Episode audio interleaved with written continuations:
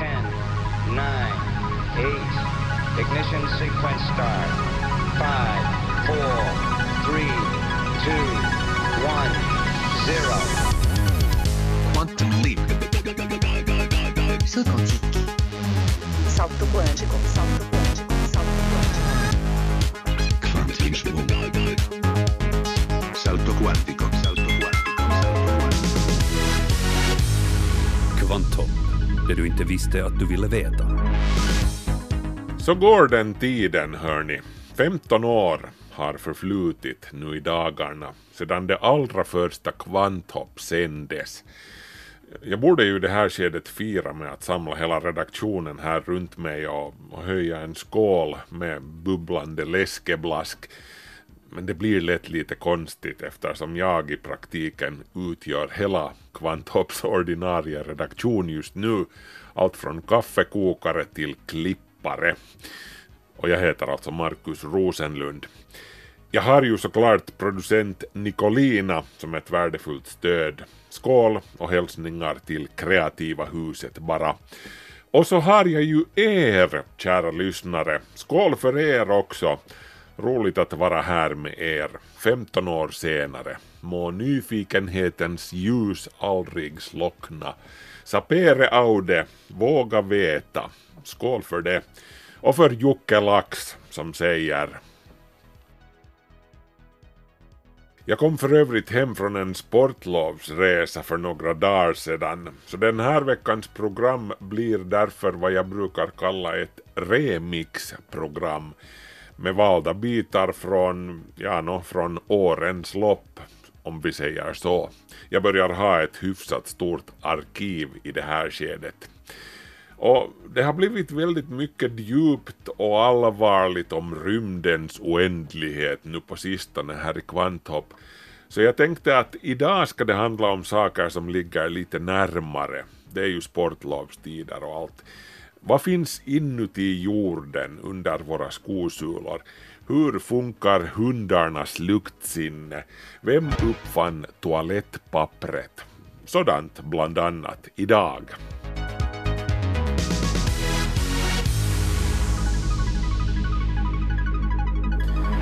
Men det ska bli helt pinfärska notiser också. Det här är en Svenska Yle-podd.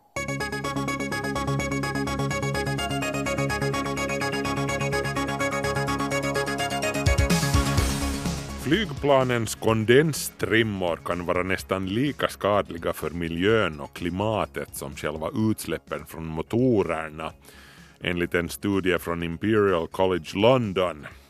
Strimmorna som uppträder på hög höjd, 8000 meter och uppåt, innehåller kolpartiklar som beror på en ofullständig förbränning. De här partiklarna blir sedan till kärnor som kondens kan frysa omkring, vilket gör att det bildas cirrusmoln eller fjädermoln av de här kondensstrimmorna och de här molnen kan bli kvar i upp till 18 timmar. Och de här molnen de bidrar alltså till uppvärmningen eftersom de blockerar värmestrålningen från jordytan ut i rymden. Forskarnas datorsimuleringar visar nu alltså att man kunde minska den här blockerande effekten med nästan 60 procent om bara knappt 2 procent av planen skulle ändra flyghöjd med 600 meter uppåt eller neråt för att undvika den höjd där största delen av kondenstrimmorna bildas.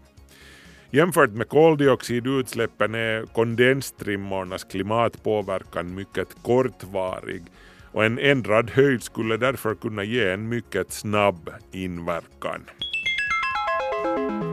Inom flygbranschen pågår det just nu ett intensivt arbete för att hitta på ett koldioxidneutralt alternativ till kerosinbränslet. Målet som bland annat flygplanstillverkaren Airbus siktar mot är att halvera flygbranschens koldioxidutsläpp fram till 2050. För det här ändamålet har Airbus, Rolls-Royce och Siemens tillsammans utvecklat det hybridelektriska planet IFAN X där en av de fyra jetmotorerna har ersatts med en 2 megawatts elmotor. Eldriften kopplas på då man temporärt behöver stora mängder kraft som då planet lyfter. Den här lösningen kommer hur som helst knappast att vara ett alternativ för de längre flygrutterna på grund av att dagens batteriteknik är för tung och har en energikapacitet som inte håller måttet. Ett modernt litiumjonbatteri kan lagra 0,95 megajoule per kilo som bäst. Jämför det här med kerosinet som innehåller motsvarande 43 megajoule per kilo. Därför vänds allt flera blickar nu mot flytande vete. Vete har flera fördelar som att då du bränner det så uppstår det mest bara vattenånga som avgaser. Vete har också en hiskeligt bra energilagringskapacitet.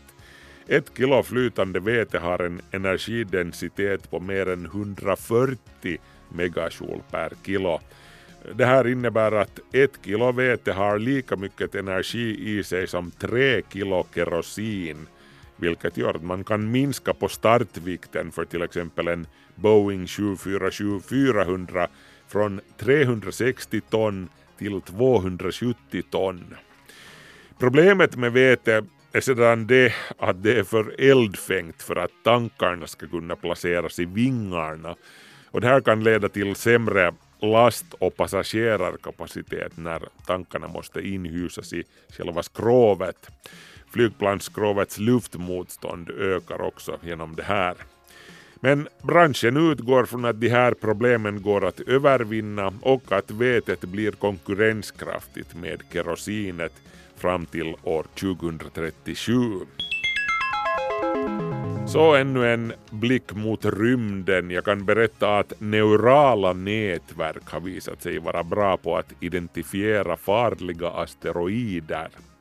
Det är universitetet i Leiden som lät sina neurala nätverk analysera flygbanorna för närmare 740 000 asteroider. En uppgift som normalt kräver hiskeliga mängder brutal kalkyleringskraft. De neurala nätverken lyckades identifiera inte mindre än 11 stycken nya asteroider i klassen 100 meter eller större som kommer farligt nära jorden under de kommande seklerna. De här asteroiderna har alltså till exempel NASA hittills missat i sina beräkningar. Nu saknas det bara ett sätt att avvärja den här sortens potentiella krockar från rymden.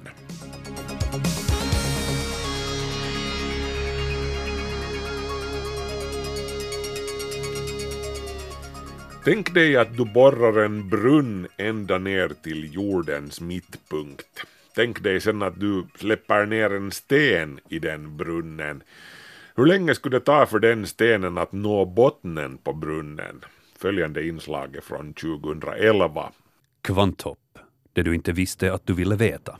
Avståndet från dina skosulor ner till jordens mittpunkt är sisådär 6370 kilometer. Skulle någon lyckas borra en brunn ända ner till mitten och du skulle släppa ner en tegelsten så skulle det ta 45 minuter för den att nå ända ner. Och då skulle den ju vara viktlös eftersom hela jorden med sin tyngdkraft finns omkring den. Men vad vet vi egentligen om det som pågår djupt nere under våra fötter? Förvånansvärt lite faktiskt. Plattektoniken, alltså den geologiska teori som förklarar kontinentaldriften, ja, vem kan glömma aha-upplevelsen i skolan då läraren visade att Sydamerika och Afrika passar ihop som två pusselbitar. Teorin om plattektoniken utformades så sent som på 60-talet, precis som jag. Fast själva idén är förstås äldre än så. En av de första att fundera i dylika banor var flamländaren Abraham Ortelius. Året var 1596.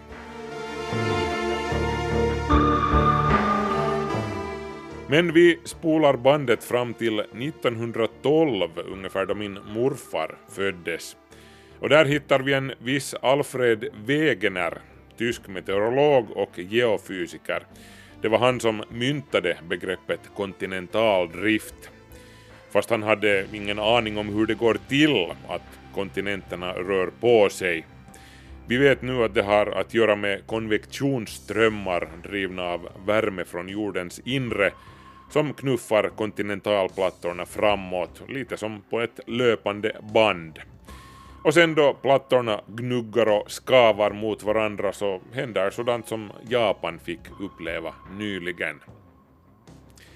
Hur som helst, den slutgiltiga teorin som utgör basen för den moderna plattektoniken den formulerades av den amerikanska geofysikern och jordbävningsforskaren Jack Oliver 1968.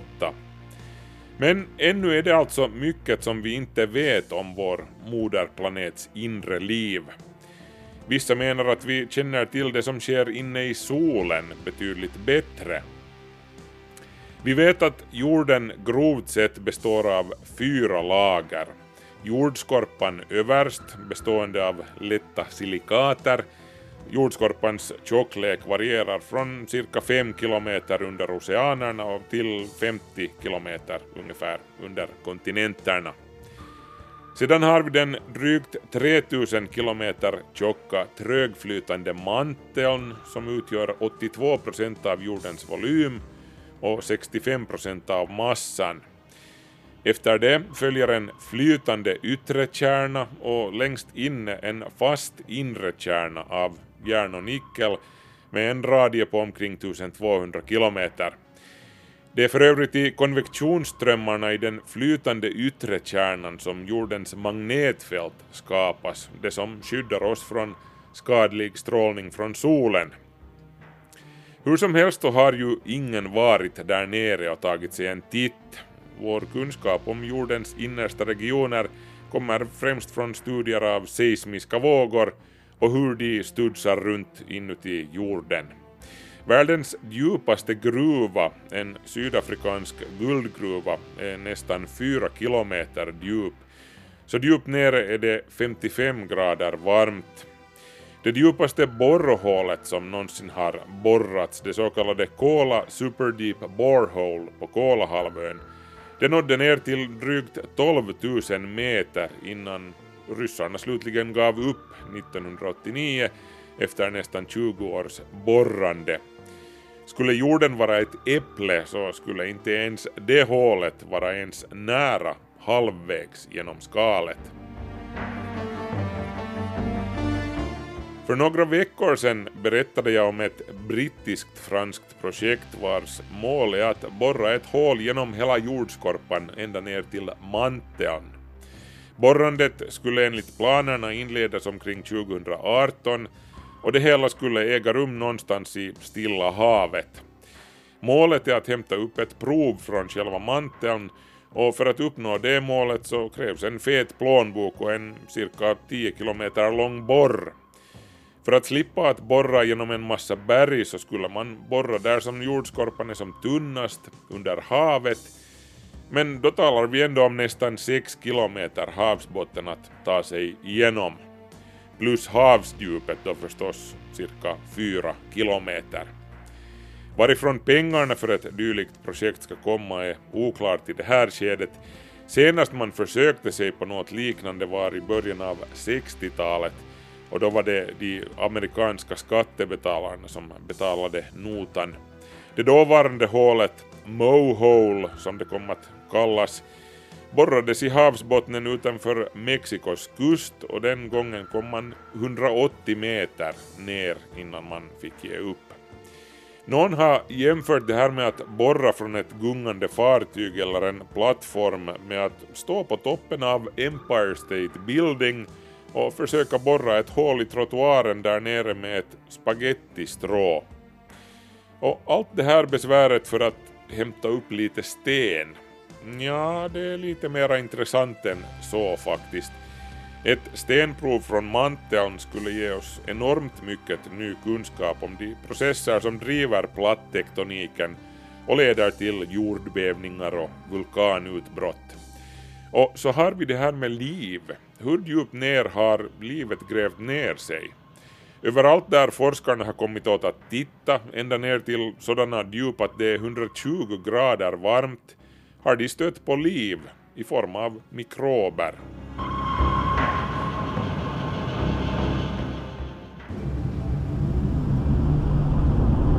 Apropå saker och ting i djupet, ja. Det finns en lustig urban skröna som anknyter just till Kola Superdeep-hålet på Kolahalvön.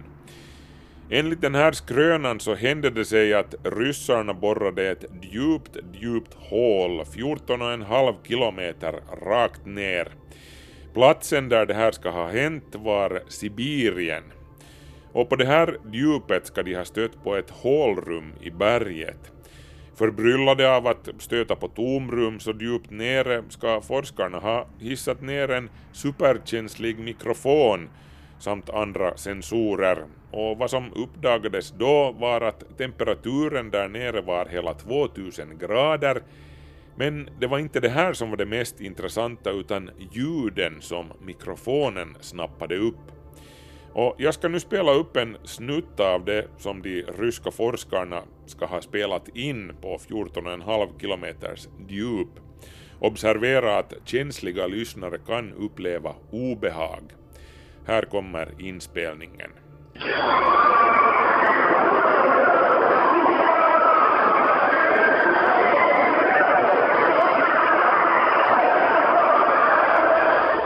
Det ni hörde här var alltså enligt den här vandringssägnen som fortfarande lever och mår väl på internet ljudet av plågade själar som stektes i helvetets eviga eldar. Det ryska borrmanskapet hade alltså borrat sig ner till självaste infernot.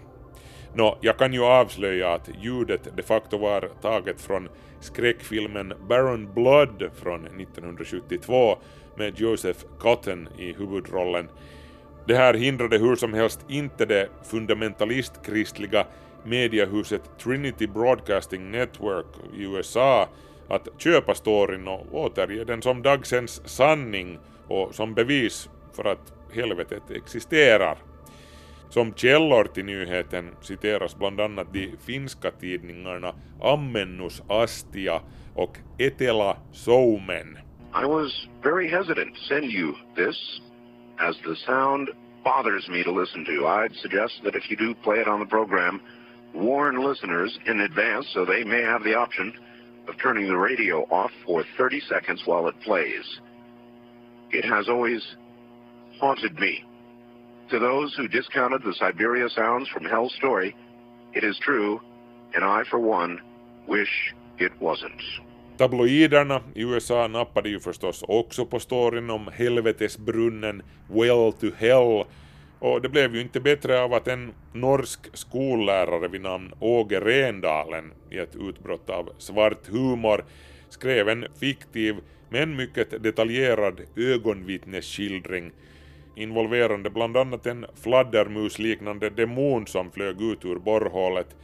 Den här storyn skickade han sen åt Trinity Broadcasting Network bara för att bråka med lättskrämda fundamentalist-amerikaner. Storyn började cirkulera på internet omkring 1997 och man stöter fortfarande på den och på folk som tar den på fullaste allvar trots att den från första början inte var mer än en dålig skröna. Det enda som stämde i storyn var borrhålet, även om det alltså inte var beläget i Sibirien utan på Kolahalvön och att det på riktigt var två kilometer grundare. Och visa mig förresten den mikrofon som klarar av 2000 grader Celsius. Nåjo, nog om det här nu. Vi kan ju bara konstatera att jorden och dess inre alltså är helt tillräckligt spännande annars också utan helvetesbrunnar. Men hej, ni som har tänkt borra brunn nu i sommar ute på stugan, borra inte för djupt för man vet ju aldrig.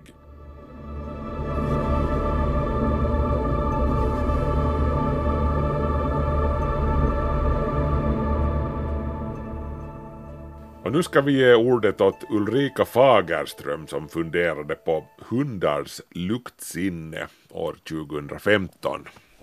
Det var häromdagen som jag promenerade genom Centralparken här i Helsingfors och kastade ett öga på en hund med ägare som jag gick förbi. Hunden hade fullt upp med att med stor frenesi och jättestor noggrannhet undersöka en urinfläck i snön som någon annan hund tydligen hade lämnat efter sig.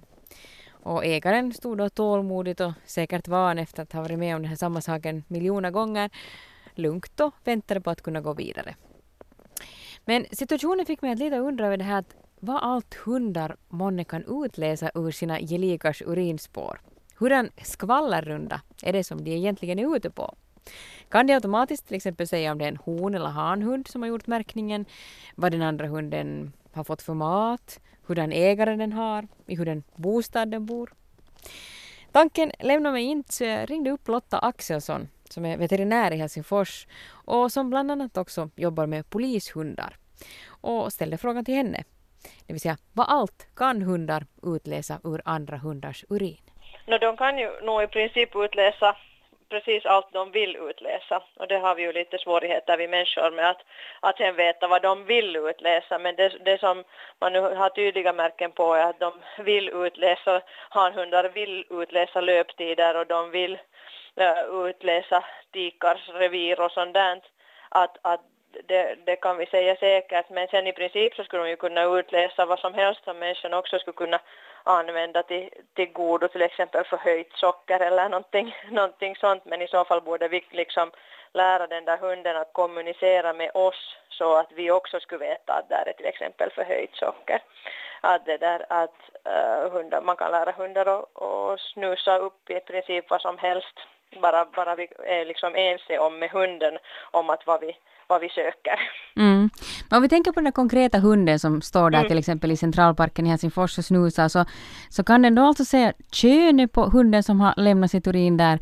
Det kan den då? No, det, det skulle jag nog säga att, att den kan. Det har vi ju liksom lite just svårt med att, att säga säkert. Det kan de säkert men att men att det att, att när inte de, om vi går och frågar hanhunden att, att det där är en hane eller en tik så vi borde göra liksom ett, ett prov eller någon sorts undersökning om att vi lär den eh, till exempel kommunicera åt oss att, att det här är nu en tik. Nu hur är det med ålder på den andra hunden?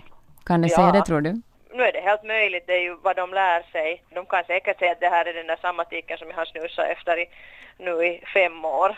Men att, att det, det, är omöjligt att säga liksom att, att hur, hur, mycket de kommer ihåg och hur mycket de registrerar och vad de har för motiv med sitt snusande. Mm. Men i princip kanske den skulle kunna säga till exempel vad den andra hunden har ätit, var den bor, jo.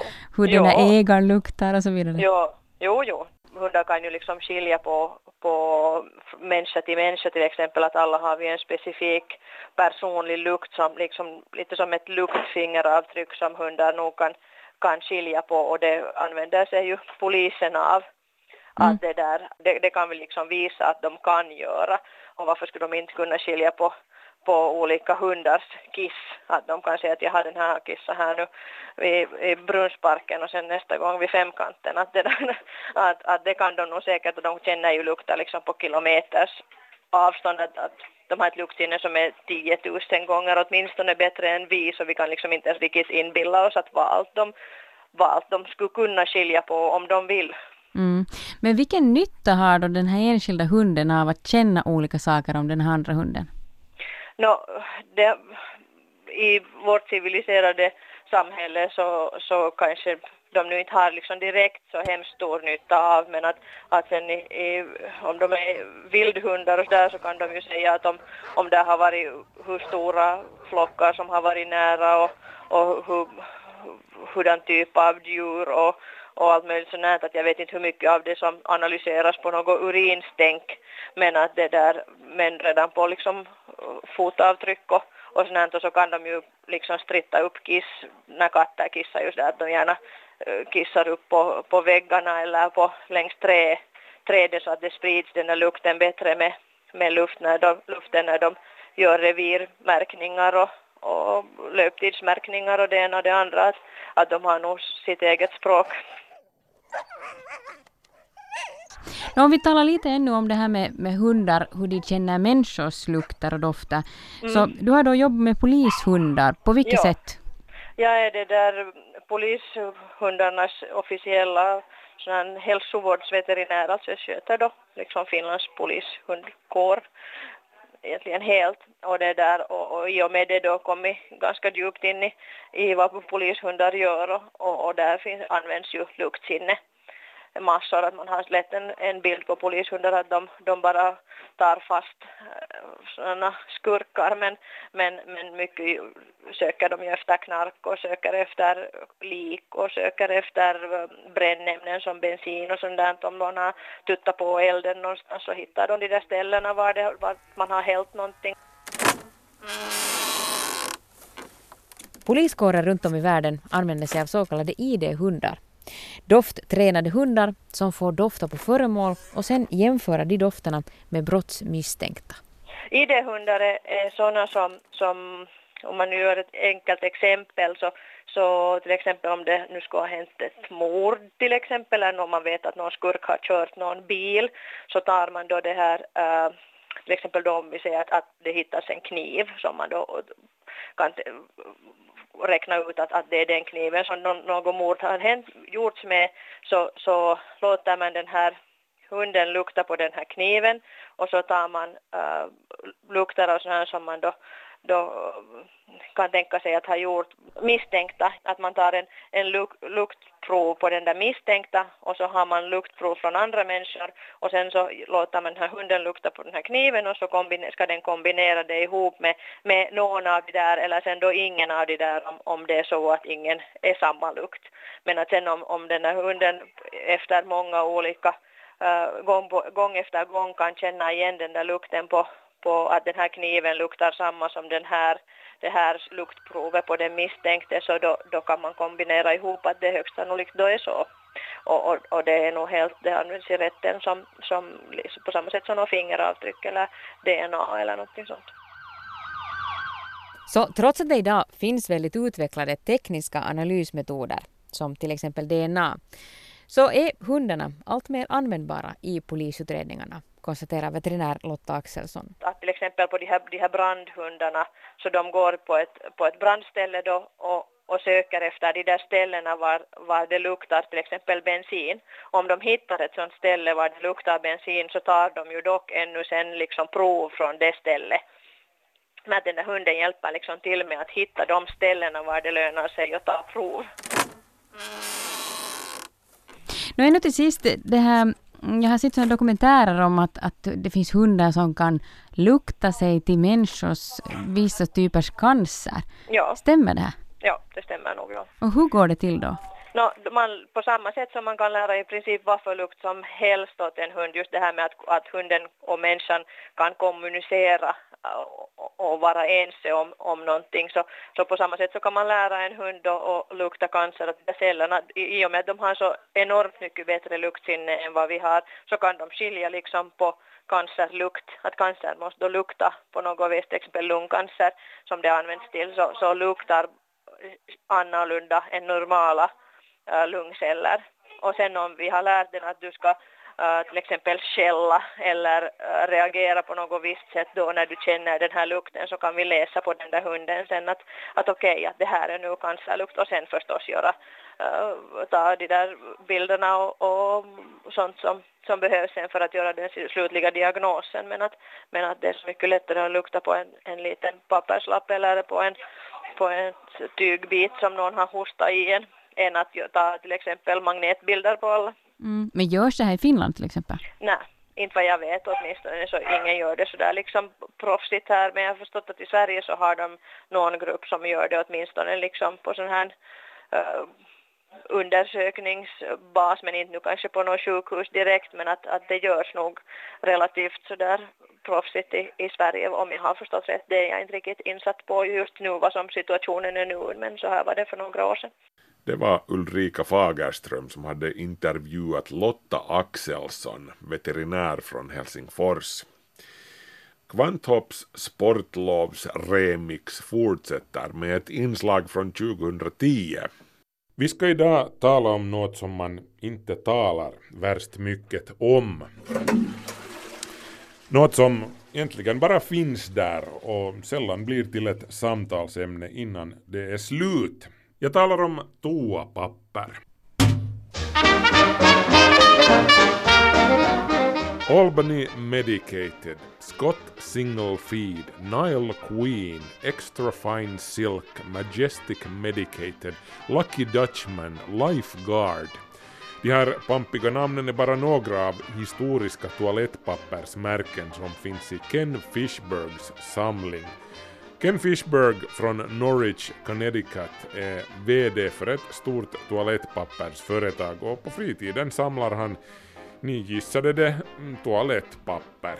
So we get a lot of gifts, and uh, some of them are from the uh, early 1900s. We have sheets, and it's uh, very interesting to look at what people thought was uh, interesting and good toilet paper when today you wouldn't want to use it. Ken Fishbergs samlingar inkluderar många märken från det tidiga 1900-talet som dagens människa inte skulle torka sig i baken med. Ken Fishberg vet vad som gör ett bra toalettpapper. Han vet antagligen mer om toalettpapper än någon levande människa på planeten just nu. When people think of civilization, Yeah. it runs parallel with sanitation. The more sanitary people are, the more civilized they are. And toilet paper certainly makes people more sanitary. Då vi människor talar om civilisation talar vi om sanitet, säger Fishberg. Ju mer hygieniska vi är, desto mer civiliserade är vi. Uppskattningen av hygien har alltid varit måttstocken för en högt stående kultur. Och som så mycket här i världen så var det i Kina man först använde papper för att rengöra sig efter ett toalettbesök.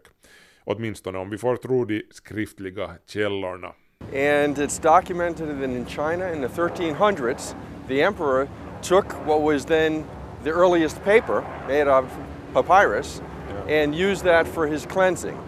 So one would say that was the first toilet paper. Arkiv från Yuan-dynastin i det tidiga 1300-talets Kina berättar om en omfattande tillverkning av toapapper. Bara i Zhejiang-provinsen tillverkades det 10 miljoner paket toapapper på upp till 10 000 ark var. Men långt innan det här på 800-talet noterade en muslimsk resenär att kineserna inte tvättar baken som andra utan torkar den med papper. Annorstädes i världen torkade sig allmogen med vad som råkade finnas till hands, ofta med, tja, handen. In general, a person would use their hand and anything else that they could to make themselves clean. If they were in India, it was a tradition to use the left hand next to a stream, and again, the purposes were to become sanitary. I det forna Indien torkade folk sig med vänstra handen som man sedan sköljde av i vatten. De gamla romarna använde en våt svamp som satt i ändan på en pinne som efter användningen ställdes tillbaka i en hink med saltvatten. Andra folk använde de mest varierande saker och ting. Var du rik använde du fårull, hampa eller tyg. Fattigt folk fick nöja sig med löv, gräs, hö, sten, sand, mossa, snö, majskolvar, fruktskal eller snäckskal. Sjömän hade en tradition att gnida baken mot ankaret utöver allt annat som nu råkade finnas tillgängligt ombord. Uh, it is written that people used whatever they could, but if they couldn't, they'd use an anchor, a piece of iron. Okay, how, how does this work? Well, you can imagine it yourself, but anything that could be used to scrape or to take away the uh, dirty particles Yeah. was what was used. Tja, no, ankaret sköljdes ju av med jämna mellanrum så jag antar att det finns en viss logik i det här. Eh, 1500-talssatirikern Rabelais ansåg att det bästa man kunde torka stjärten med var en välplockad gåsnacke. Jaha, nå kanske det. Då vi närmar oss moderna tider blir tidningar och tidskrifter allt vanligare och folk upptäcker att de kan vara nyttiga på många sätt och vis. I Amerika var varuhuset Sears katalog och tidskriften Farmers Almanac mycket populära för ändamålet. Farmers Almanac har getts ut kontinuerligt sedan 1818 och än i denna dag har den kvar ett litet hål uppe i vänstra hörnet så att man ska kunna hänga upp den på en spik och riva av sidor efter behov.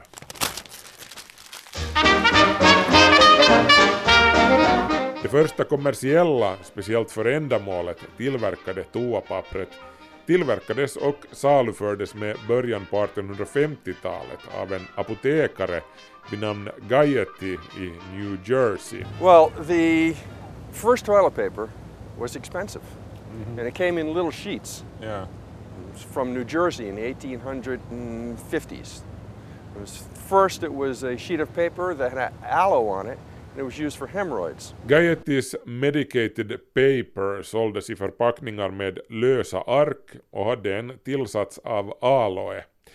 Pappret var de facto inte avsett för att rengöra baken utan för att bota och lindra hemorrojder.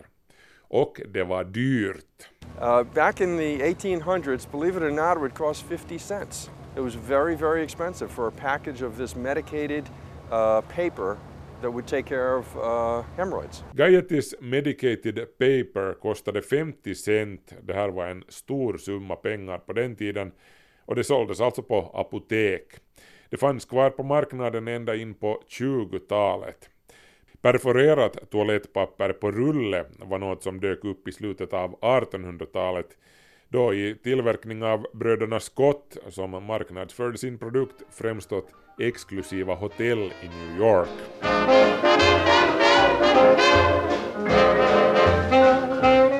For instance, the Waldorf Hotel, the original Waldorf Hotel, uh, had its own toilet paper called Waldorf toilet paper. So it was the, it was the late 1800s where the Scott brothers, um, who made paper for other purposes, Waldorf-hotellet till exempel hade sitt eget toapapper tillverkat av Scott Brothers som ursprungligen tillverkade papper för helt andra ändamål men som kom på att det fanns en marknad för papper just för det här ändamålet. New York, där vi för övrigt gjorde den här intervjun med Ken Fishberg, är alltså det moderna toapapprets födelseplats och man kan säga att toapapprets frammarsch gick hand i hand med att vattenklosetten blev allmän och att det moderna avloppsrörnätet växte fram. uh, you might say that the first plumbing was in uh, Philadelphia, so you might say that the first plumbing required or attracted something like toilet paper, where people could use it and dispose of it through the appropriate plumbing. För att de stora folkmassorna ska kunna använda toapappren utan att rören stockas till krävs det att man tar pappret i beaktande då man drar rören och det här hände först i städer som New York och Philadelphia. Det moderna, kreppade, mjuka två eller rent av treskiktspappret är en överraskande ny företeelse. Det kom först efter kriget i stor skala. Det var så sent som 1960 som toapapper av den sort vi har idag började tillverkas i Finland på GA Serlachius fabrik i Mäntä. Idag använder genomsnittsfinländaren 15 kilo toapapper varje år. Jag frågade Ken Fishberg om toapappret har kommit till slutet av sin utveckling eller om det kan förbättras ytterligare. Fishberg tvekade inte en sekund. Toilet paper is an amazing, highly technical product. Uh, It gets better and better all the time. Can it be improved? Yes, it can be improved. Dagens toapapper är oändligt mycket bättre än det som fanns för bara 20 år sedan. Absorptionsförmågan har hela tiden blivit bättre, liksom också hållbarheten och mjukheten. Men ännu finns det utrymme för förbättring. Framtidens toapapper kommer att vara väldoftande och läkande, tror Fishberg. They are inventing uh, moisture like aloe or other uh, products to put inside uh, the toilet paper so you get moist toilet paper, and people are gravitating towards that.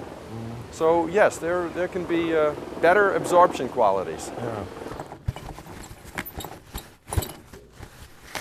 Förutom att absorptionsförmågan ständigt förbättras så tror Fishberg att framtidens toapapper i allt större grad förses med någon slags doft eller läkande substans som aloe. Till och med WC-pappret blir alltså smart i framtiden. Jaha. Okej, men jag måste till slut fråga om en sak som alltid har stört mig. Varför är de enskilda arken i toapappret så små? Man måste ju alltid riva av fyra, fem ark minst, ett räcker ju ingen vart. Fishberg håller med. I agree with you. The fact is that the correct size is four and a half inches by four and a half inches, and that is the size that protects a general person's hands. Now, if your Yeah. hand is bigger, you're going to say it's not big enough. Det är precis vad jag säger. 4,5 gånger 4,5 tum, 11 gånger 11 centimeter, det är vad toapappersbranschen anser vara idealmåttet för ett ark. Men så är jag också en kar på två meter, en späd dam från Tokyo kanske anser att det är helt okej. Hur som helst, tack till Ken Fishberg för intervjun och vill ni veta mera om toapapper så googla Toilet Paper Encyclopedia så hittar ni en bastant databas om toapapper. Behöver jag ens nämna att det är Ken Fishberg som uppehåller den. Kvanthopps sportlovsremix är slut. Markus Rosenlund heter jag och vi hörs igen om en vecka. Hej så länge, ha det bra!